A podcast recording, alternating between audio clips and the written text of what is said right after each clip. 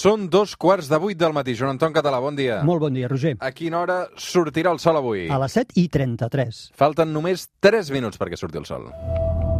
3, 2, 1, seganya!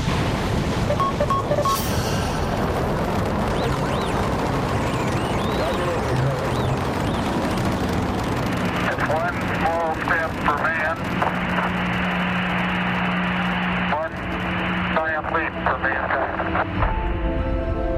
Joan Anton Català, com va la vida? Molt bé, Roger, molt som bé. al suplement Som a Catalunya Ràdio, això que sona és La Terra és plana, aquest espai de ciència, d'astronomia, de física que fem a l'hora que surt el sol, cada diumenge al suplement, amb el Joan Anton Català, químic quàntic, astrofísic, autor de 100 qüestions sobre l'univers, projecte Galileu, guia d'observació del cel per nois i noies, l'última publicació que trobarà també les llibreries, i, evidentment, La Terra és plana, aquest espai que fem cada diumenge al suplement. Joan Anton, el dia 11 de novembre tindrà lloc, és a dir, demà, Mhm. un dels fenòmens espectaculars que es poden observar al cel, que la setmana passada van prometre a tota l'audiència que en parlaríem, eh, i és per això que avui volem dedicar un espai de la Terra es plana a explicar què és això de el trànsit de Mercuri.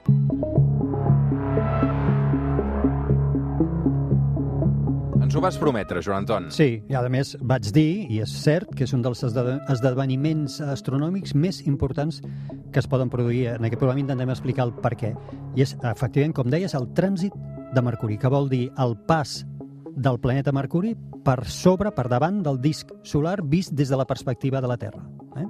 Això és un esdeveniment raríssim, es produirà demà i no se'n tornarà a produir un altre fins al 2032. Són esdeveniments molt eh, rars i que, a part de ser espectaculars, ha aviso, warning, eh, avís a navegants, mai mirar el sol, i hem dit moltes vegades, mai mirar el sol directament, Sí. ni amb instruments que no siguin homologats. Per, per tant, això necessitarà... Encara que hi hagi núvol, tampoc. Tampoc, ni els famosos que quan jo era petita, no, ho pots fer a través d'un vidre fumat, mai. A través d'una radiografia, mai, si plau, mai. Cada dia hi ha gent que perd la vista al món per utilitzar formes que no estan homologades, no estan preparades, per mirar el sol. Per tant, serà una cosa que és molt impactant, però es hem de fer protegits. Per Sí. tant, primer missatge per tota l'audiència, molt, molt, molt important. Això ho podrà gaudir tothom des de casa seva o des d'un punt que es vegi bé el cel? Sí, jo... O, o necessitem algun... No, es necessiten telescopis perquè la diferència de, de dimensió entre el disc de Mercuri i el Sol és increïble. Mercuri es veurà com 194 vegades més petit que el disc del Sol. Per tant, impossible de veure a, a ull nu, vull dir, amb, amb ulleres d'eclipsi, impossible de veure si no és amb instruments, per tant, amb telescopis preparats. Però, sobre la teva pregunta és, sí, tothom ho podrà veure des de casa, perquè qui vulgui, des del sofà, ho podrà veure per internet perquè es retransmetrà per molts mitjans amb, eh, online, diríem, en viu, en directe, des d'internet. Molt bé. Mercuri és l'únic planeta que produeix aquest trànsit de Mercuri. Això només passa amb aquest... No, també passa amb Venus. Ah. És dir, això passa amb tots els planetes interiors, per un efecte de perspectiva en qualsevol objecte que passi entre el Sol i nosaltres. Quins objectes passen entre el Sol i nosaltres? Mercuri, Venus i, òbviament, la Lluna. Que és Per que tant, amb els exteriors és impossible que passi. Impossible perquè mai es podran col·locar entremig del Sol i nosaltres. O sigui, per entendre-ho, eh, una mica, per, per fer-nos una idea de què pot ser aquest trànsit de Mercuri, Mm -hmm. uh, podem, podem comparar-ho amb una mena de- d'eclipsi de, sol Correcte. provocat per... Correcte. Si l'objecte que es col·loqués entremig fos la Lluna, que és l'altre, el tercer que sí que s'hi pot col·locar, tindríem un eclipsi de Sol. Seria la perfecta definició d'un eclipsi de Sol. Quan no és la Lluna, sinó que és Venus o Mercuri, no n'anomenem eclipsi perquè no arriben a ocultar res. Ja et deia que Mercuri serà, apareixerà com a 194 vegades més petit que el disc solar, però l'efecte és el mateix. Passen pel davant, vist des de la nostra perspectiva, oculten un trosset mínim del Sol. Això n'anomenem trànsits.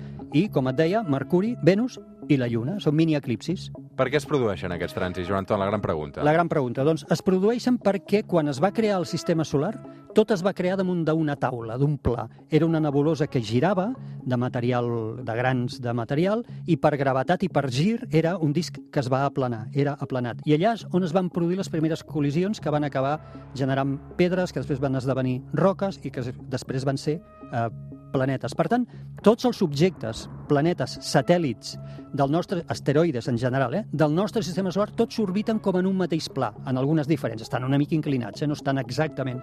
Però això fa que sigui possible que, vistos des de la Terra, hi hagi planetes com Mercuri, Mercuri o Venus que passin exactament pel davant del Sol, perquè, tot i que estan inclinades les seves òrbites, no ho estan molt, eh? i més o menys estan, tots estem sobre el mateix pla. Mm -hmm. Per què és tan extraordinari que tinguin eh, lloc aquests trànsits? Eh, Primera, clar, perquè són molt infreqüents, i són molt infreqüents perquè existeix aquesta petita inclinació que et deia, que fan que no siguin exactament coplanars, que no estiguin exactament al mateix pla, i perquè, a més, vistos des de la Terra, la diferència de- d'escala és immensa. El Sol el veiem gran, i en canvi Mercuri i Venus els veiem petitons. Per tant, la probabilitat de que justament passin pel davant del disc solar és molt, molt baixa, molt baixa, i per això són tan infreqüents i això és el que els dona eh, aquesta importància, a part de la utilitat que ara explicarem. Tan infreqüents que ara em comentaves que el proper serà el 2031 o 30 i pico. Sí, cada segle, perquè et facis Sí. una idea, cada segle eh, es tenen 13 trànsits de Mercuri i de Venus només dos vegades per segle. Per tant, són extraordinàriament eh, infreqüents.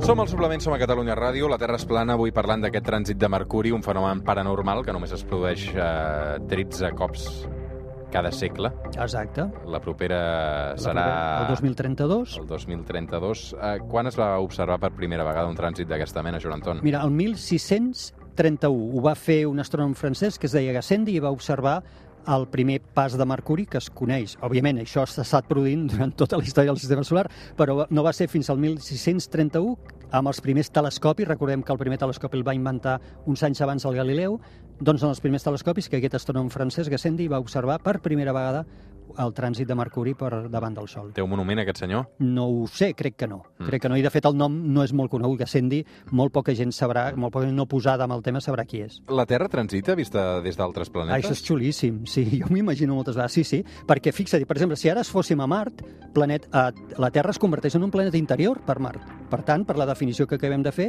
és possible que la Terra es posi eh, per davant del Sol vist des de Mart, o des de Júpiter, o des de Saturn. Sí, per tant, la resposta és sí, però a més la Terra és tan xula, per xulos nosaltres, que en donem dos pel preu d'un. Com que tenim un satèl·lit que es diu Lluna i que és molt gran, la Lluna com a satèl·lit és molt gran, resulta que quan els marcians veuen un trànsit de la Terra, també tenen, eh, veuen el trànsit de la Lluna. Per tant, veuen com dos esferetes petitones, una molt petita, que és la Terra, i una encara molt més petita, que és la Lluna, però tant la parella Lluna-Terra transiten pel davant del disc del Sol, vist des dels planetes exteriors. Per què són tan importants, aquests fenòmens, Joan Anton? Uh, perquè a partir de- d'aquests trànsits es poden refinar molts càlculs astronòmics que tenen a veure amb la posició dels planetes i amb les pertorbacions que uh, per gravetat exerceixen Júpiter, Saturn, els grans planetes del sistema solar amb, amb els petits. Eh?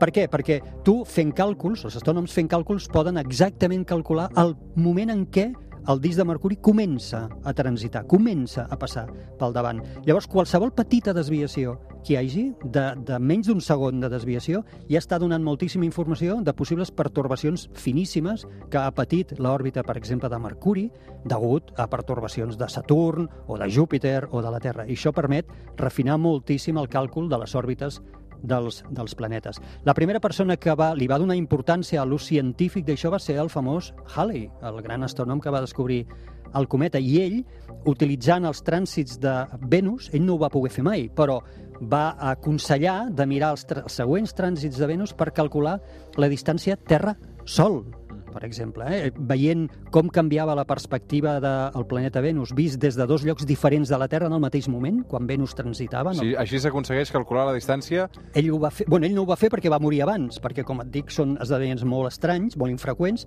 Ell va predir i va deixar escrit com ell ho faria. Escolteu, hauríem d'utilitzar el proper trànsit de Venus per calcular la distància Terra-Sol. I ho faríem d'aquesta forma. Ens aniríem a dos llocs de la Terra, veuríem aquest trànsit des de dos eh, localitzacions diferents. En el mateix instant calcularíem en quin lloc del disc solar es projecta el disc de Venus. I per trigonometria, això ens ho podria fer un, un noi d'institut, eh, calcularíem la distància eh, Terra-Sol. Això es va aconseguir fer a l'any 1761, quan ell ja no hi era, quan Halley no, ja no hi era. I de la primera mesura que es va fer, els hi va donar una distància Terra-Sol de 152 milions de quilòmetres. Avui sabem que és de 149 milions. Que a dir, s'hi van acostar 150 bastant. Moltíssim. Moltíssim. Se va- En 1761, moltíssim s'hi van acostar. encara s'utilitzen aquests trànsits avui dia? Sí, és el que et deia per refinar aquestes pertorbacions que puguin tenir les òrbites.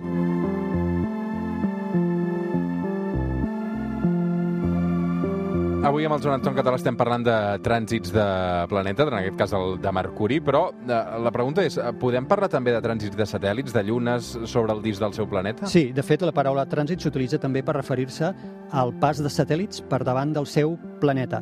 Els més freqüents, els més xulos de veure, i això animo a qualsevol que tingui amics que tinguin telescopi o que es puguin apropar a una, a una agrupació astronòmica, és veure el trànsit dels satèl·lits de Júpiter, dels quatre principals satèl·lits de Júpiter, que són els que va descobrir Galileu, com passen per sobre, per davant del disc de Júpiter. És molt maco de veure i, a més, és un fenomen, a diferència de l'altre, que explicava, molt freqüent, molt freqüent, de forma que, que en un mes pot haver un munt, varis trànsits dels quatre principals satèl·lits de Júpiter per sobre del seu disc. Mm. Uh, hi ha trànsits de planetes, exoplanetes sobre la seva estrella, també? Molt important. Això és superimportant perquè és un dels mètodes que tenim de detectar exoplanetes. En tenim varis, però aquest és un dels més importants, que és en el moment en què un planeta que mai no arribarem ni a veure, és que no l'arribarem a veure mai, passa pel davant de la seva estrella vista des de la Terra, eh, aquest aquesta petita ocultació que li fa del disc, minúscula, fa que la intensitat de llum de l'estrella ens baixi, ens baixi res,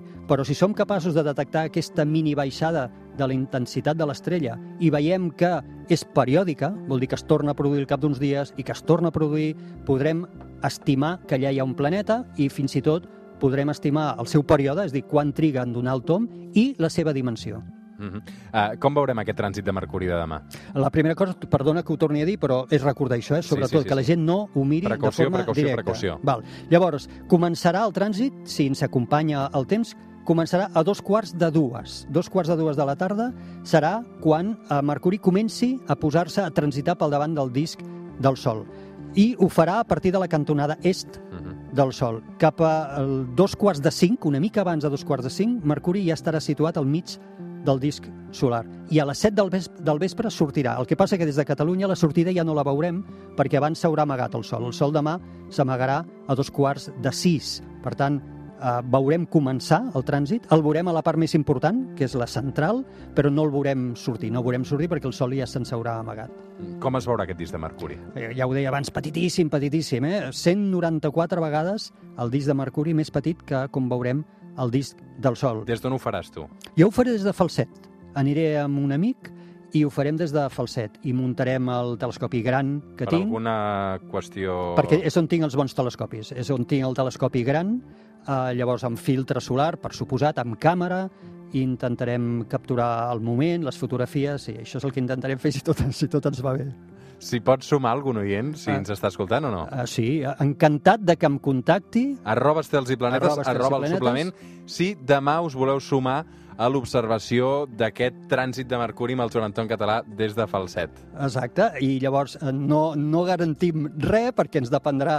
Vaya, vaya, vaya cosa que m'has anat, Ara a m'acabo de posar- tirar de la moto i m'estàs No, matant, no, eh? no, ma- va bé, però només... No, deixa'm dir una cosa, el, el transport, us, el, els oients s'espavilen, eh? Això ha estat improvisat i ha estat sense pactar amb el Joan sí, Català. a més ha de ser així, Roger, perquè ja et diré, nosaltres sortim de la feina fletxats Sí, sí, sí, sí. per anar cap allà. Per tant, anem a, a, a, a, re, a muntar el telescopi, a no perdre ni un segon. Per tant, nosaltres intentarem retransmetre-ho eh, per les xarxes socials. Porteu una autorització dels pares, eh? Això sí, sobretot, prescindible, eh? sobretot, sobretot per poder sortir de l'escola. Uh, Joan Anton Català, escolta'm, de seguida uh, ens fixarem en, en què hi passarà al cel aquesta setmana, però uh, l'altre dia hi ha hagut un document aquesta setmana uh, que fa posar els pèls de punta i que vull recuperar en aquest espai que es diu La Terra és plana, d'acord? Vale. Et situo. Telemadrid, un programa que es diu La Vuelta al Cole, on famosos i coneguts van a fer xerrades a nens petits que els hi fan preguntes i després ells eh, fan respostes. Aleshores, la convidada era Elena Furiase, filla de la cantant Lolita Flores. I en aquest programa passa això. Tendrás que explicarle a tu hijo pequeño lo que es el calentamiento global. Uh, vale. Entonces, ahora lo vas a practicar con nosotros. Vamos a ver, pues el calentamiento global, el mundo, ¿no? Y aquí una... tenemos la pissarra. los polos, el de arriba y aquí el de abajo, ¿vale? Y aquí tenemos al sol. Sabéis lo que es el sol, ¿verdad? Una estrella de fuego, en fin. Pues al parecer nos estamos acercando demasiado el sol y la tierra. ¿Qué pasa? Que va a llegar un momento que hace tanto, tanto, tanto calor que los polos se están derritiendo. Diosito, llévame, no pasa nada. Todos los animales, todo el ecosistema que se está creando en el mundo, va a llegar un momento en el que ya no se va a poder, eh, o sea, no vamos a poder subsistir y va a significar que la Tierra se va a tener que ir al garete. Uh, Doncs això és l'escalfament global segons uh, aquesta filla de Lolita Flores. mira, la calor la tinc jo ara. Elena Furiase. Uh, no, o sigui, estava veient això a la televisió i vaig pensar en tu.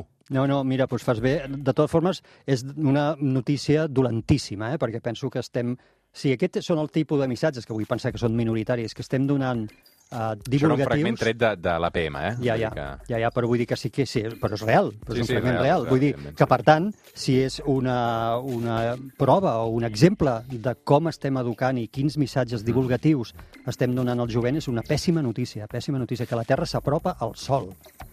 Déu-n'hi-do. Uh, deixa'm, de, deixa'm posar l'esmena, ja que l'hem fet. Va. Uh, com explicaries a un grup de 6-7 anys què és l'escalfament global en un minut i mig? Clar, el, el, perdona, però el que mai no faria és posar donar-li la culpa a la natura, donar-li la culpa a la Terra o al Sol que s'apropen. Dir, Això és un efecte de l'home, de l'home, i per tant explicaria que els efectes que estem fent amb la pol·lució, amb el fum, amb les guerres, amb l'aniquilació d'animals, etc, estan fent que la nostra atmosfera s'escalfi i que cada cop la temperatura pugi, pugi i que això perjudicarà a les espècies vives i ens perjudicarà a nosaltres, etc. Però mai a la vida posaria com a raó, com a excusa, que això és un efecte de la natura, que el Sol s'apropa o que la Terra s'apropa al Sol, al revés. Això és un efecte de l'home.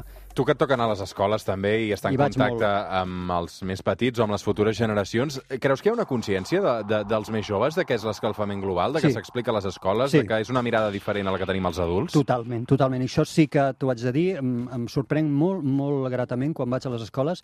Primera, que és un tema que els interessa. Segona, que ja en tenen informació. I els treballen en moltes escoles, fins i tot els que, les que treballen en projectes, que ja són moltes, tenen projectes dedicats a això i tenen les classes fins i, fins i tot decorades. Són plenament conscients. Ja s'han criat en una cultura del reciclatge, de la solidaritat, de la sostenibilitat, coses que jo no sabia el que era quan estudiava. Jo sóc molt optimista i confio moltíssim en les noves generacions. De fet, només cal veure el moviment que, que encapçala la, la Greta Mhm. Thunberg, però, però qui hi ha al voltant, no? que són gent joveníssima. Exacte. Aquests són els que els hi tocarà I- fer el que nosaltres no hem volgut o no hem Correcte. sabut fer. Correcte, correcte. Joan Anton, va, fixem-nos en què passarà aquesta setmana al cel a banda d'aquest trànsit de Mercuri. Perquè crec que tenim lluna plena, no? Sí, lluna plena dimarts. Llavors, la lluna plena, tot i que ens esborra els detalls del cel de nit, és molt xula de poder-la veure i el que la demano als, als, lectors, ai, als oients, anem a fer la prova aquesta, anem a mirar la lluna plena i anem a fixar-nos amb les taques que té a la cara, eh? que sempre li veiem unes taques. I llavors, quan la gent li miri les taques, que pensi que allò són els famosos mars, maries, que els deien els antics, i que allò pensaven que eren mars de debò, que eren eh, cossos que teniu eh, d'aigua, no? I, que es veuen facilíssimament, i que pensin, que pensin que allò els deien mars, que pensin que en una d'aquelles taques hi va arribar l'home per primera vegada el 20 de juliol del 69. A veure, és un exercici xulo, xulo de fer. Que mirin les taques de la cara de Mart. De, Joan de, Anton- de la lluna, De perdona. la lluna, de la lluna. Uh, Joan Anton Català, moltes, moltes gràcies. Ens retrobem demà a Falset. Molt bé, vinga, Que vagi gràcies. molt bé, una abraçada ben forta. Igualment. Fem una pausa i de seguida tornem al suplement. Autorització dels pares, eh? Sobretot. Si, si no, eh, esteu... heu begut oli. Pausa i de seguida reemprenem el fil d'aquest suplement de diumenge.